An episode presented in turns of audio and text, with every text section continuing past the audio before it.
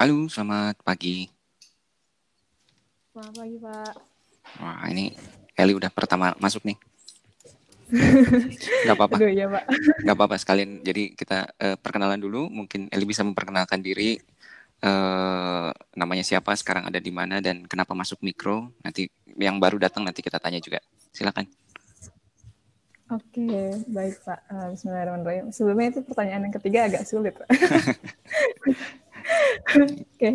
uh, eh, perkenalan dulu ya Pak. Hmm. Sebelumnya nama nama saya Eli Kusmawati, biasa dipanggil Eli. Uh, asalnya dari Bandung dan sekarang juga lagi di Bandung sih Pak, tapi nggak di rumah, lagi di asrama. Uh, terus alasan masuk mikro, hmm, sebenarnya agak dulu tuh mungkin belum jelas ya kenapa masuk mikro. Tapi sekarang semakin di sini semakin jelas bahwa di mikro ini uh, cukup aplikatif gitu pak. Jadi apa yang dipelajarinya itu nggak terlalu luas mungkin ya. Karena kan uh, saya lebih suka ilmu murni gitu, lebih cenderung lebih tertarik dengan ilmu murni ketimbang yang teknik-teknik kayak gitu-gitu. Nah tapi di mikro ini nggak terlalu luas kayak bio gitu. Jadi uh, apa yang harus dipahami, apa yang harus dipelajari lebih jelas aja gitu itu itu menurut sudut pandang saya sejauh ini gitu mungkin nanti ada ada hal-hal yang berubah ke depannya ya belum tahu juga oke okay, nggak apa-apa ya namanya juga nanti menjalani ya ya Pak. Oke, berikutnya ini ada Mawartania. Ini siapa ya? Oke, halo Pak Intan. Aku Gama. Oke, Gama. Eh, Gama bisa memperkenalkan diri eh, nama lengkapnya siapa, terus sekarang ada di mana dan kenapa memilih mikrobiologi? Oke, uh, perkenalkan namaku Gama Luluh Lenging Tias Mortania, dipanggilnya Gama. Terus uh, sekarang lagi ada di rumah di Lumajang, Jawa Timur. Uh, terus alasan masuk mikro ya, alasan aku masuk mikro awalnya uh, aku melihat bahwa jurusan mikro ini uh, cuman ada satu gitu di Indonesia yang benar-benar uh, murni mikrobiologi dan aku melihat bahwa mikrobiologi ini tuh uh, mikroba ya tentunya punya potensi gitu yang yang perlu digali lagi gitu dan sampai sampai saat ini aku emang belajar bahwa uh, mikrobiologi punya banyak peran gitu di kehidupan gitu sih pak. Oke. Terima kasih. Nih berikutnya Sofi sudah masuk. Silakan Sofi memperkenalkan diri, kemudian cerita sekarang ada di mana, di kota mana, terus kenapa sih masuk uh, mikro? Uh, sudah kedengar belum Pak?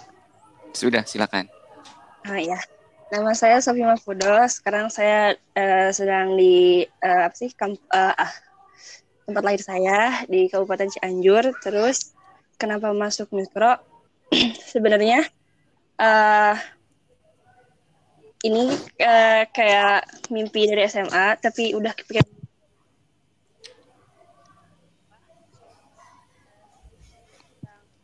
Halo Sofi, suaranya menghilang.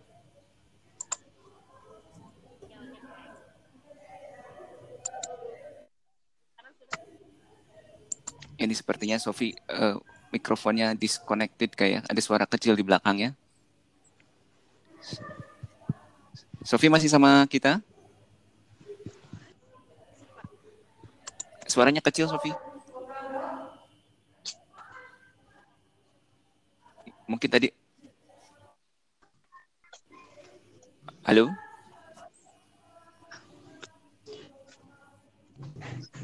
Halo. Ah, sekarang kedengaran Sofi. Tadi suaranya uh, jauh sekali sampai uh, kurang tidak terdengar. Mungkin kalau boleh diulang kenapa sih masuk mikro? Nah, tadi cuma oh, iya. kalimat pertama aja. Hmm, ya. Sebenarnya pas nentuin mimpi di SMA tuh kayak bingung apa terus kepikiran peneliti terus nyari-nyari lagi uh, tentang jurusan terus ketemunya mikrobiologi sebenarnya nggak belum kebayang mikrobiologi itu apa terus kayak ingat lagi mimpi di SMP tentang pengen nemuin penyakit apa sih uh, obat buat penyakit jadinya kenapa nggak mikro gitu itu sih pak oke okay. uh, eh, ini satu lagi yang belum belum hadir tuh siapa ya Ulki ya Iya Pak Ulki lagi coba untuk join katanya Oke. Oke, nggak apa-apa.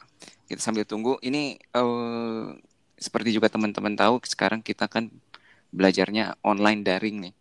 Kira-kira pengalamannya teman-teman gimana nih? Kuliah online. Rasanya gimana? Rasanya macam-macam Pak. Ya, silakan diceritakan. Apa sih rasanya saya nggak tahu. Sebagai mahasiswa saya nggak kebayang saya.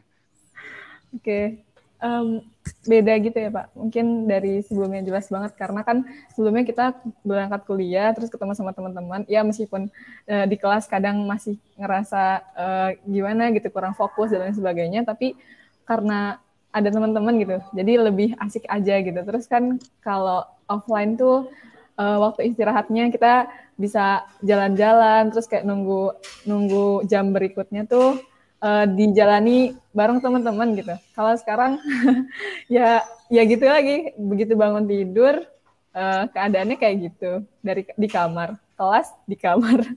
Jadi uh, mungkin lebih lebih monoton gitu apa yang dijalani. Tapi kalau untuk Eli sendiri karena ada di asrama ya, jadi nggak uh, terlalu bosen lah gitu karena ketemu sama temen juga teman teman-teman di asrama. Tapi kalau dari segi belajar memang uh, sangat beda gitu kalau dengan belajar offline itu. Dan kalau belajar online tuh lebih banyak godaan ya Pak. Oh gitu ya? Iya, okay. jadi kayak kalau misalnya kita tiba-tiba bosen, ya gitu, nggak nggak bisa fokus dalam waktu lama gitu. Dan godaannya lebih besar. Kalau misalnya secara offline kan, kalau nggak fokus, coba minta bantuan temen gitu buat, ya ini cubit lah atau gimana. Tapi kalau secara online ini, harus kuat iman. Ketiduran, ketiduran. ketiduran. supaya supaya nggak ketiduran, supaya nggak tertinggal di di room meeting sampai akhir. Nah itu kejadian tuh beberapa kali tuh di kelas saya tuh. pas direkam itu, pas direkam terus pas lihat rekamannya lagi tuh, kok rekamannya lebih panjang dari kelasnya ya. Ternyata ada beberapa orang yang kayaknya ketiduran atau yang nggak tahu lah gitu ya. Dan itu kan tercak pas direkam di rekaman kelihatan gitu siapa yang eh, belum live meeting ya. Waduh.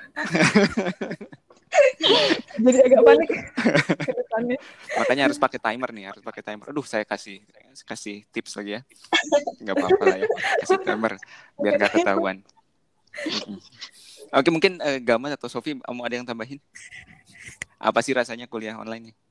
Kalau saya awalnya tuh seneng banget gitu Pak, soalnya di rumah gitu kan, makan tinggal makan, terus kayak semua udah ada disi disiapin gitu kan, tapi lama-kelamaan dari segi belajar mungkin ya, jadinya ini kayak bingung gitu.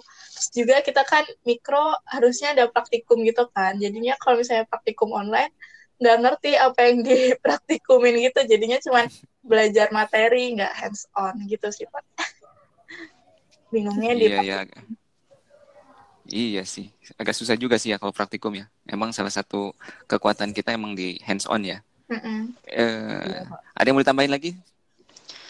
Uh, aku mau nambahin Pak, mungkin apa sih kayak di rumah tuh banyak distraksi gitu kan. Kalau di kelas kan maksudnya kayak uh, distraksinya tuh nggak nggak ada lah paling di kelas ya fokus gitu. Nah kalau di rumah tuh banyak banget gitu yang nggak bisa dikontrol kayak ya aktivitas orang-orang di luar gitu kan. Karena deket jalan rumahnya terus ya orang-orang rumah juga kadang yang enggak uh, apa ya uh, enggak uh, bukan nggak dukung ada kalanya gitu. Kadang-kadang lupa bahwa bahwa uh, apa ke saya juga anak saya kan SMP sama SMA ya. Kadang-kadang saya lupa. Saya buka pintunya padahal dia lagi kelas gitu ya. Oh dia padahal lagi lagi online gitu terus. Uh, pas saya buka pintu saya masuk ke layarnya dia dong bener, Jadi kejadian juga saya sebagai uh, apa? Ya saya sebagai dosen saya bisa nge ngebayangin diri saya ya apa? Itu orang tuanya mahasiswa misalnya kelihatan masuk gitu. Saya ketawa ya. Tapi kasihan anak saya juga sih ya. Aduh. Ya tapi ya it, itu terjadi ke semua kita ya. Jadi jangan terlalu dipikirin lah. Yang penting uh, apa? Uh, di rumah itu bisa kita bisa buka website apa browser yang lain gitu ya terus bisa sambil ngapain gitu saya juga bisa sambil berkebun gitu uh, sambil ngeliatin pohon mangga lihat cari ada mangga yang mateng enggak untuk diambil gitu gitu. Waduh. Ya nggak apa-apa. Yang penting uh, ya harus harus harus tetap semangat lah ya. Saya juga sedang cari gimana caranya supaya bisa membantu fokus, saling membantu semuanya gitu. Nah ini mungkin kita masuk ke yang berikutnya nih. Kan teman-teman diminta uh, ngecari uh, episode di This Week in Microbiology ya. Nah itu yang hmm. teman-teman tuh pilih yang 157 ya. Iya. 157 itu ada dua kan kalau misalnya di di podcastnya mereka tuh ada ada dua biasanya yang dibahas. Pertama itu mereka hmm. ada uh, artikel pendek dan kemudian ada yang artikel dibahas uh, detail gitu. Nah, kalian pilih yang ada streptomyces ya. Iya, Pak, betul. Streptomyces itu masuk eh, eh, kalau di episodenya itu masuk yang ke pendahuluannya. Nah, iya, ini, betul. Uh, boleh cerita sedikit kenapa pilih yang itu?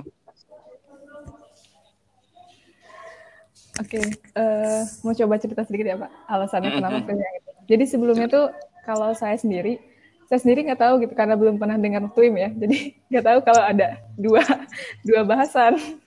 Jadi ya udah keburu dengar bahasan yang pertama. Tapi karena yang kenapa yang episode 157 ini karena memang agak unik gitu Pak. Dari judulnya juga udah cukup unik gitu, Back to the Ancestor gitu. Ada apa nih Back to the Ancestor? Terus uh, dari gambarnya mungkin ya.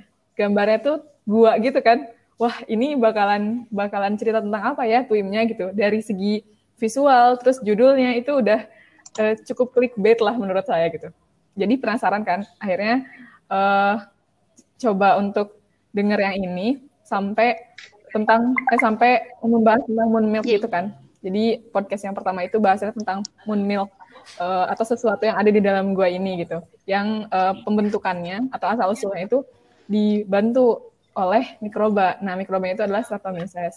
Nah, jadi awalnya tuh karena itu sih, karena uh, tertarik dari judul dan visual uh, podcastnya gitu. Dan baru tahu kalau ternyata Twim itu ada dua, Pak, isinya. nggak apa-apa, nggak apa-apa. Tadi ya, barusan itu, ada ya. Ulki, tapi kemudian Ulki kayaknya koneksinya bermasalah, terus dia uh, hilang lagi. Nggak apa-apa. Uh, Terus kalau dilihat dari episodenya itu, kira-kira apa sih yang bisa kita pelajari? Uh, aku mau ini deh, kayak dari episode itu tuh apa ya di gua tuh cenderung batuannya kan keras gitu pak. Terus uh, tapi ada suatu bagian yang ternyata uh, bisa lunak gitu, teksturnya kayak bilangnya kayak cream cheese gitu kan. Nah, itu tuh hmm. karena ada bantuan dari si bakteri ini, si Streptomyces ini. Nah, ini menariknya kalau apa ba, apa uh, bakteri ternyata Streptomyces ini bisa berperan gitu loh di uh, dalam pembentukan moon milk ini gitu, Pak. Nah, ini mungkin buat nanti kalau misalnya ini go live gitu apa dipublish ini kayaknya harus ada yang cerita dulu moon milk ini apa sih sebenarnya? Kan bukan susu di pembuatan susu di dalam gua gitu ya. Iya iya. Ya bukan pak. Apa sih moon milk ini kalau dalam kebahasannya mereka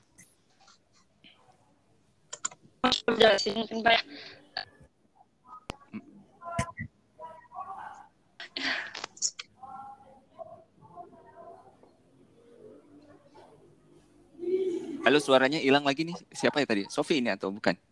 Iya, Sofi. Mm -mm. Suaranya masuk gak? Koneksi Sofi agak. Oh iya, udah masuk, udah masuk. Udah masuk. Ya, silakan, silakan. Gimana, Sofi? Tan untuk yang berwarna putih.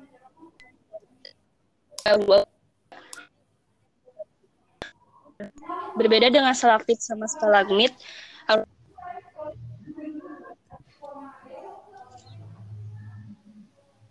sehingga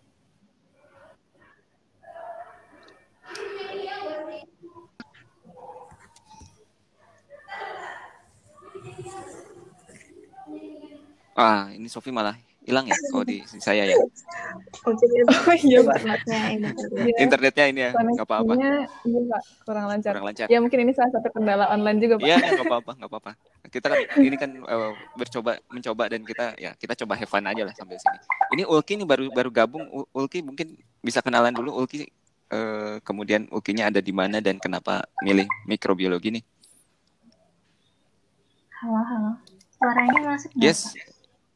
Su- suaranya masuk terdengar silakan. Iya. Eh, nama saya Oki, di- asal daerah dari Temanggung. Terus kenapa masuk prodi mikrobiologi? Karena eh, waktu SMA sempat nanya-nanya alumni SITH juga, jadi tertarik sama mikrobiologi ini. Terus karena mikir juga karena mikroba-mikroba ini walau makhluknya tuh tak kasat mata tapi itu ada di mana-mana. Terus aplikasinya juga banyak mulai dari bidang medis sampai ke lingkungan gitu sih, Pak. Oke. Nah, ini tadi so Sofi tadi kayaknya tadi eh, sempat disconnected ya Sofi ya? Iya, Pak. nggak apa-apa ini kan eh, apa eh, kondisi real kita ketika Iya. merekam ya kayak gini lah kadang-kadang memang ada kendala teknis tadi sem- eh, kayaknya baru dua kalimat terus ngilang nih Sofi Hmm. bisa diterusin mungkin tadi apa si moon milk ini apa Ya, tadi mulmek itu adalah endapan karbonat berwarna putih atau ada juga yang abu-abu. Nah, itu berada di permu- permukaan gua. Nah, berbeda dengan stalagmit sama stalaktit yang ada di gua yang biasanya keras. Ini tuh si endapan karbonat itu berwarna putih. Eh, lunak lunak. Kenapa disebut moonmilk? Moonmilk karena berasal dari nama gua yang berada di, berada di Gunung Pilatus Wah. Jadi asal katanya dari sana. oke Moon milk. Oh. moon milk ya saya, saya juga baru eh, saya belum pernah eh, lihat sih kalau stalaktit stalagmit saya pernah lihat tapi kalau moon milk eh, belum pernah teman-teman ada yang pernah lihat pernah masuk gua nggak Enggak. Pernah Pak. Enggak pernah. belum pernah Tapi tapi belum pernah belum pernah lihat moon milknya secara langsung. Cuman masuk buahnya pernah. Oke.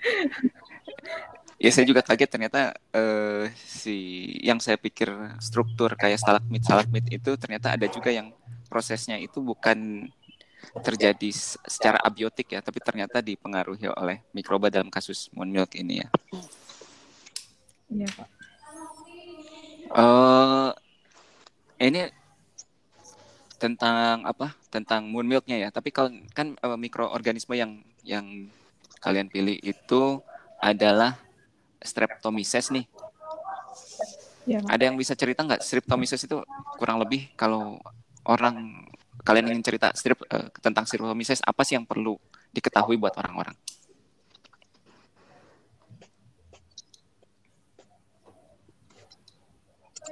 Streptomyces ini eh, kalau secara umum ya, jadi masuk ke dalam kelompok dari Actinomyces ya Pak.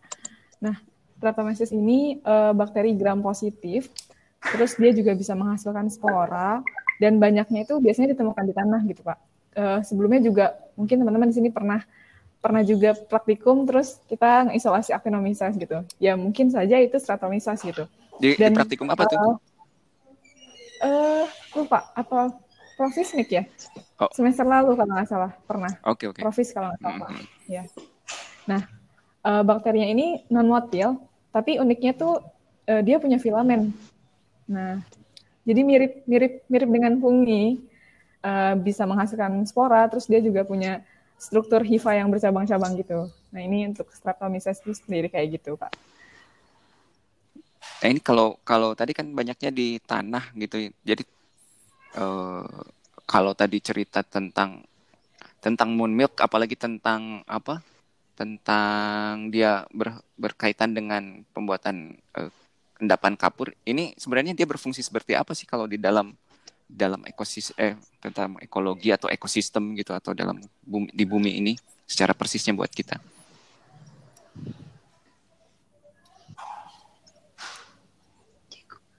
apa dia apa berfungsi juga untuk siklus eh, materi kar- kapur berarti gitu ya Oh iya Pak.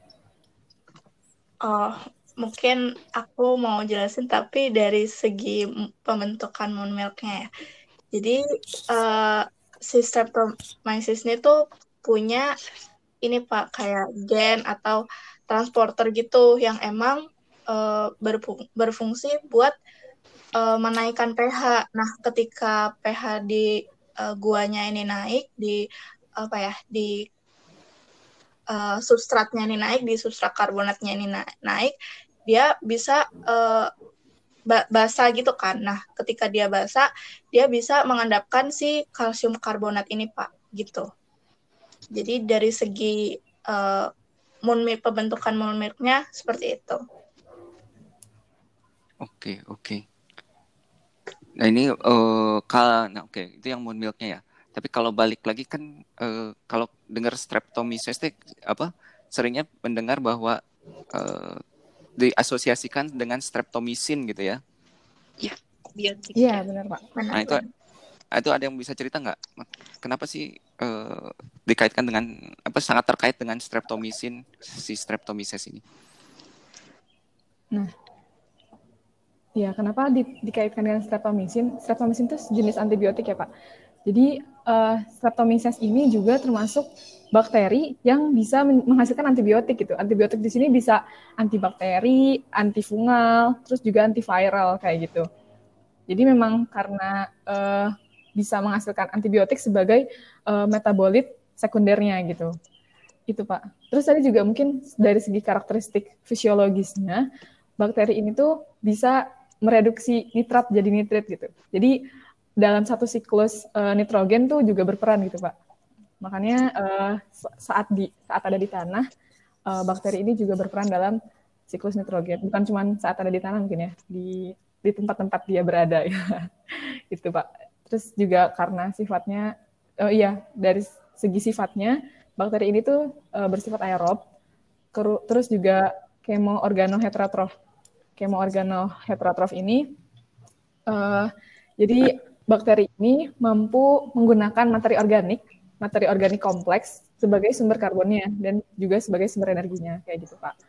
Jadi itu mungkin sekilas tentang streptomyces ini. Oke, tapi kalau pertama-tama tadi cerita tentang di tanah ya. Jadi dia banyak di tanah dan membantu siklus materi khususnya nitrogen juga. Berarti sangat penting untuk pertanian kali ya. Ya, salah ya. satunya. Cuma kalau misalnya di gua tadi berarti dia sebenarnya nggak nggak banyak nggak banyak apa materi organiknya ya dia juga ada kelompok-kelompok yang bisa memanfaatkan uh, apa ya berarti kan nggak ada sinar matahari yeah. hmm. kemungkinan kalau lihat dia ada di dinding berarti dia tidak dapat organik konten misalnya dari apa uh, uh, uh, apa kotoran burung yang jatuh ke bawah atau apa gitu ya jadi eh, dia kelompok yang cukup diverse juga ya, beragam juga ya. Iya. Iya, Benar. Benar. Oke, oke. Ada ada lagi info-info menarik yang mungkin bisa diceritakan tentang streptomyces ini? Uh, mau coba nambahin, Pak? Iya, ya, silakan. Uh, sebenarnya si streptomyces itu uh, lingkungan lingkungan ekstrim yang berbeda dia tuh menghasilkan bioaktif yang berbeda juga gitu. Tadi kan streptomycin, mungkin dia tuh di lingkungan yang apa dulu. Nah, ketika dia di seperti di gua, dia tuh menghasilkan bioaktif yang berbeda atau metabolit sekunder yang berbeda juga gitu. Sehingga uh, ketika apa sih si metabolit itu ber, uh, selalu cari buat uh, pengobatan-pengobatan gitu, buat pengobatan-pengobatan yang uh, sudah uh, sudah susah gitu. Makanya kenapa di di itunya back to ancestor ya karena gara-gara di gua tuh uh, kayak jarang terjamah oleh manusia gitu. Kemungkinan tuh si streptomycesnya tuh yang ancestor gitu dan menghasilkan antibiotik yang beragam gitu. Oke, ya kalau kalau saya lihat uh, di kebetulan saya buka Wikipedia nih, enaknya bisa sambil depan komputer itu saya bisa ngecek juga nih jawaban kalian bener nggak ya gitu ya. Waduh. Tapi juga kalian bisa nyontek juga kan, kalian juga bisa buka kan saya tidak melarang ya. Iya pak. Iya pak. Jadi terima kasih atas idenya. ini gimana sih kalian ini harusnya lebih pinter nih kayak kayak ginian jangan diajarin sama dosen ini nah Kadang ini mencari inspirasi itu perlu pak. harus dikasih inspirasi ya Ini dua per tiga antibiotik alami yang secara klinis ini emang banyak ba- awalnya dari streptomyces ya Iya, Pak. Iya pak. Wah, ini jadi siapa nih nanti kalau misalnya ada yang tadi siapa yang tertarik untuk bikin eh, apa nyari obat baru mungkin bisa juga nih nyari dari streptomyces apalagi tanah-tanah Indonesia kan Iya. eh, di daerah tropis pasti banyak nih. Iya pak. Menarik nih, menarik. Ada, ada lagi yang mungkin mau ditambahkan silakan nih tentang terkait mic- streptomyces. Eh, sedikit mungkin Pak. Jadi streptomyces ini kan ada banyak jenisnya. Nah, tapi yang di gua ini memang eh, j- eh, memang nggak nggak ada jenis spesifik gitu. Di sana tuh hanya streptomyces sp gitu. Tapi kalau dari yang kami cari gitu, streptomyces ini tuh termasuk eh, mikroba yang ada yang punya pigmen gitu Pak. Gitu. Eh, jadi ada juga salah satu spesies yang eh, saya tahu gitu, tahu sekilas namanya Streptomyces collicolor. Itu tuh bisa digunakan ketika diekstraksi itu bisa digunakan jadi eh, pigmen warna untuk pakaian kayak gitu. Jadi dulu sempat iseng iseng-iseng cari juga tentang Streptomyces collicolor. Ternyata ada juga yang kayak gitu. Nah, ternyata memang eh, cukup unik dari segi eh, jenisnya, mungkin eh, morfologinya. Streptomyces ini lumayan unik, Pak. Oke, saya- saya baru tahu tuh kalau ada yang apa Lumayan. bisa untuk pigmen eh, pakaian ya. Menarik, menarik. Iya. Iya. Ada ada lagi yang mau mau ditambahkan silakan loh. Tambah-tambahin aja.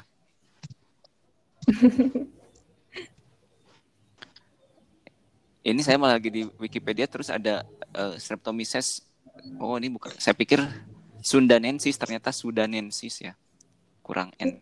Ini saya harus sudah pakai kacamata plus. Sundanen. Ini ternyata ada yang patogen ya ternyata ya. Iya, Pak. Ada yang bisa cerita mungkin yang yang patogennya? Tadi kan kita udah cerita banyak yang ada yang membantu siklus eh, biogeokimia, kemudian ada yang membantu tadi eh, pertanian, ada juga yang menghasilkan obat-obatan, antibiotik. Nah ini ternyata ada yang eh, patogen. Apakah ada yang sudah baca nih yang tentang patogen?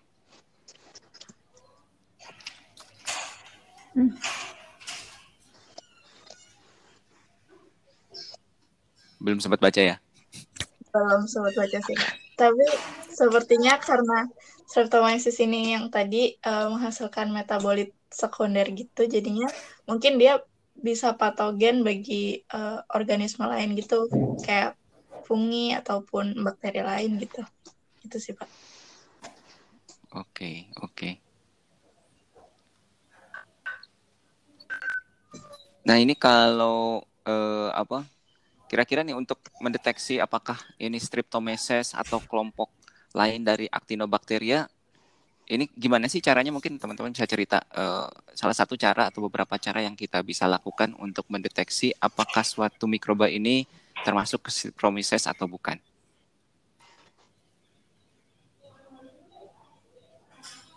Kalau ini nggak ada hubungannya sama paper atau twimnya ya.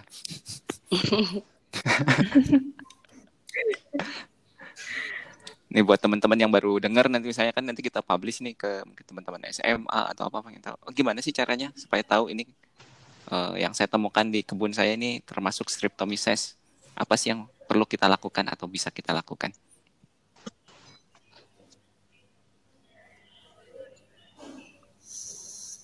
Oh, mungkin aku mau jawab. Jadi yang pertama kan mungkin dianalisis morfologi makroskopisnya. Jadi eh, Septomyces ini tuh seperti yang tadi dikatakan Eli bahwa dia punya eh, filamen gitu kan, filamen hifa yang biasanya berwarna putih. Terus juga eh, Septomyces ini menghasilkan spora gitu Pak, yang dia nggak motil juga berfilamen. Terus juga ketika kita mungkin langkah selanjutnya eh, uji fisiologis dengan uji biokimia gitu ya.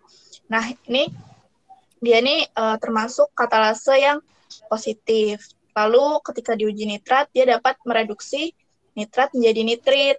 Kemudian juga dia uh, mendegradasi adenin, espulin, kasein, gelatin gitu, terus pati dan L-tirosin. Itu sih Pak. Ada yang mau nambahin? Silakan yang lain kalau mau menambahkan. Hmm. Mungkin itu secara garis besarnya memang gitu sih Pak. Jadi uh, yang bisa kita lihat itu secara jelasnya dari fisiologisnya gitu. Kalau untuk dari segi morfologisnya mungkin uh, mirip dengan aktinomycet lain gitu. Tapi uh, yang membedakan streptomyces dengan uh, actinomycet lain tuh itu tadi dari segi uji fisiologisnya dia ini katalase positif dan dan yang sudah dijelaskan oleh Gama sebelumnya kayak gitu pak. Oke okay, oke. Okay. Ini uh, ada yang pernah baca atau saya juga nih belum pernah baca nih. Kira-kira gimana sih cara mereka menghasilkan antibiotik nih? kok saya jadi menarik juga ya kali gimana kita bisa menghasilkan antibiotik kalau yang saya temukan ya Pak sumbernya tuh katanya hmm. diberi stimulan kimia kimiawi sama uh, biologis gitu jadi kayak uh, kayak dikasih antibakteri eh bukan antibakteri atau apa ya kemudian uh, logam gitu paparan logam gitu-gitu sih Pak. Jadi kasih stimulan yang buat biar listriknya aktif gitu katanya. Oh oke, okay. jadi dia uh, karena dia apa si antibiotik ini metabolit sekunder, jadi dia tidak uh, terus-terusan atau konstitutif dihasilkan gitu ya? Iya, jadi harus di uh, ya harus di ya, dipantik dulu gitu ya. Dipantik ya, oke. Okay. Ya. Oke oke. Eh Nah, ini mungkin uh, sebelum move on ke yang lain, uh, ada yang mau tambahin lagi terkait streptomyces ini atau streptomycetes atau kelompok ini?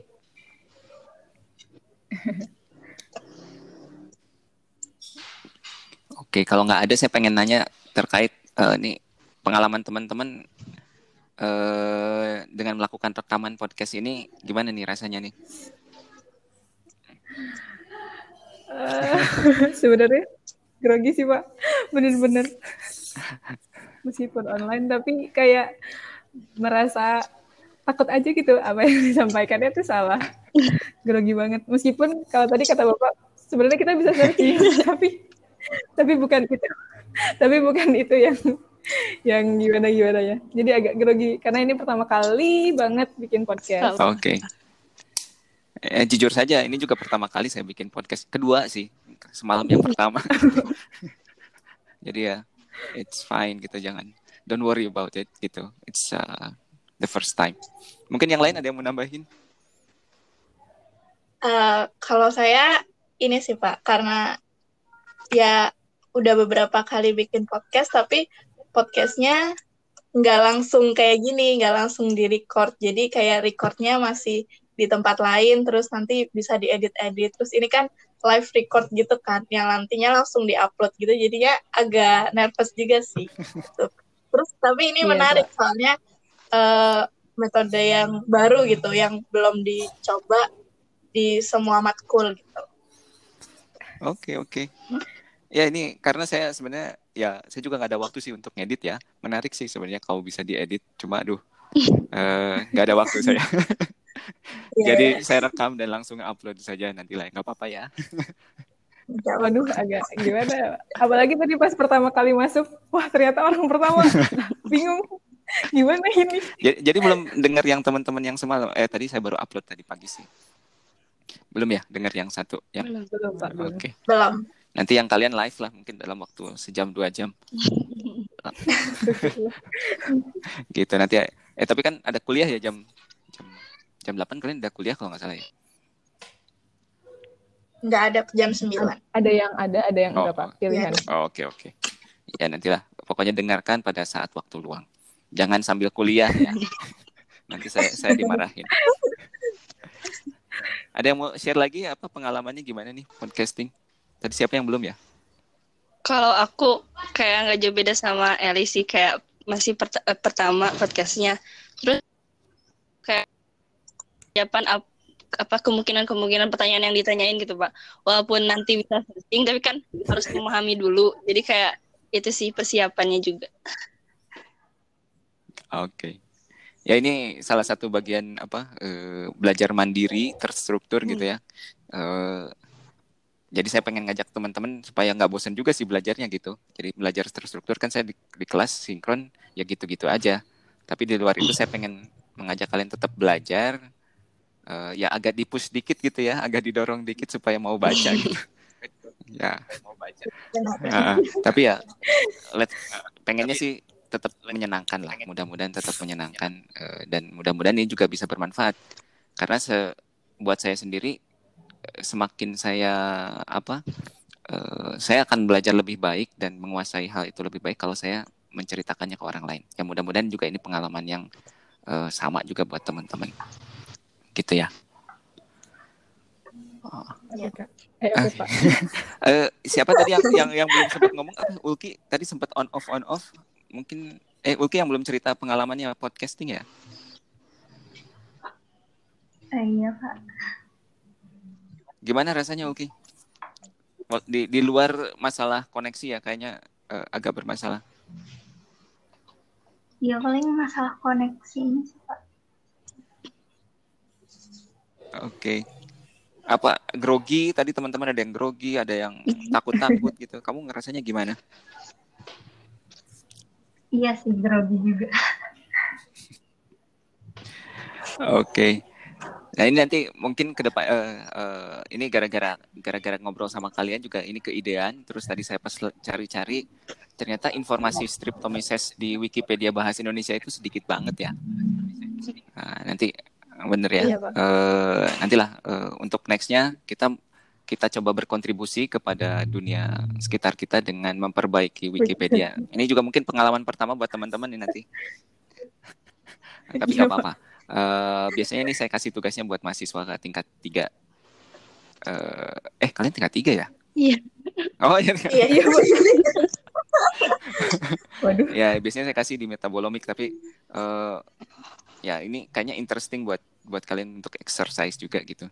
Uh, terima kasih atas idenya. Oke, okay, mungkin gitu dari saya uh, buat teman-teman yang mau mempersiapkan kegiatan uh, hari ini silakan bersiap-siap. Uh, ini tadi kita ada dari empat kota ya, dari Bandung, Cianjur, Lumajang, dan Temanggung. Iya. Uh, iya nih. Ya, Terima kasih atas kesempatannya. Uh, kita bisa ketemu walaupun online dari empat kota yang berbeda. Lima kota. Saya saya di kota Padalarang ya. Jadi ada lima kota, lima kota KBB, lima kota yang berbeda kita bisa diskusi ngobrol santai tentang uh, rada-rada ilmiah lah dan mudah-mudahan ini juga bisa bermanfaat buat teman-teman yang nanti bisa mendengarkan. Mungkin sekian dari saya. Sekali lagi saya ucapkan terima kasih atas partisipasinya dan tetap semangat ya uh, kuliah dan saling menyemangati dengan teman-teman yang lain. Sekian dari saya. Selamat ya. pagi, selamat meneruskan aktivitas. Uh, Assalamualaikum warahmatullahi wabarakatuh. Waalaikumsalam. Waalaikumsalam warahmatullahi wabarakatuh. Pagi, Selamat pagi, pagi Pak. ya. juga. Pagi, Pak. Semangat ya. Ini saya, gimana ya, Pak? Saya stop recording. Oke. Okay. Oh. oh iya.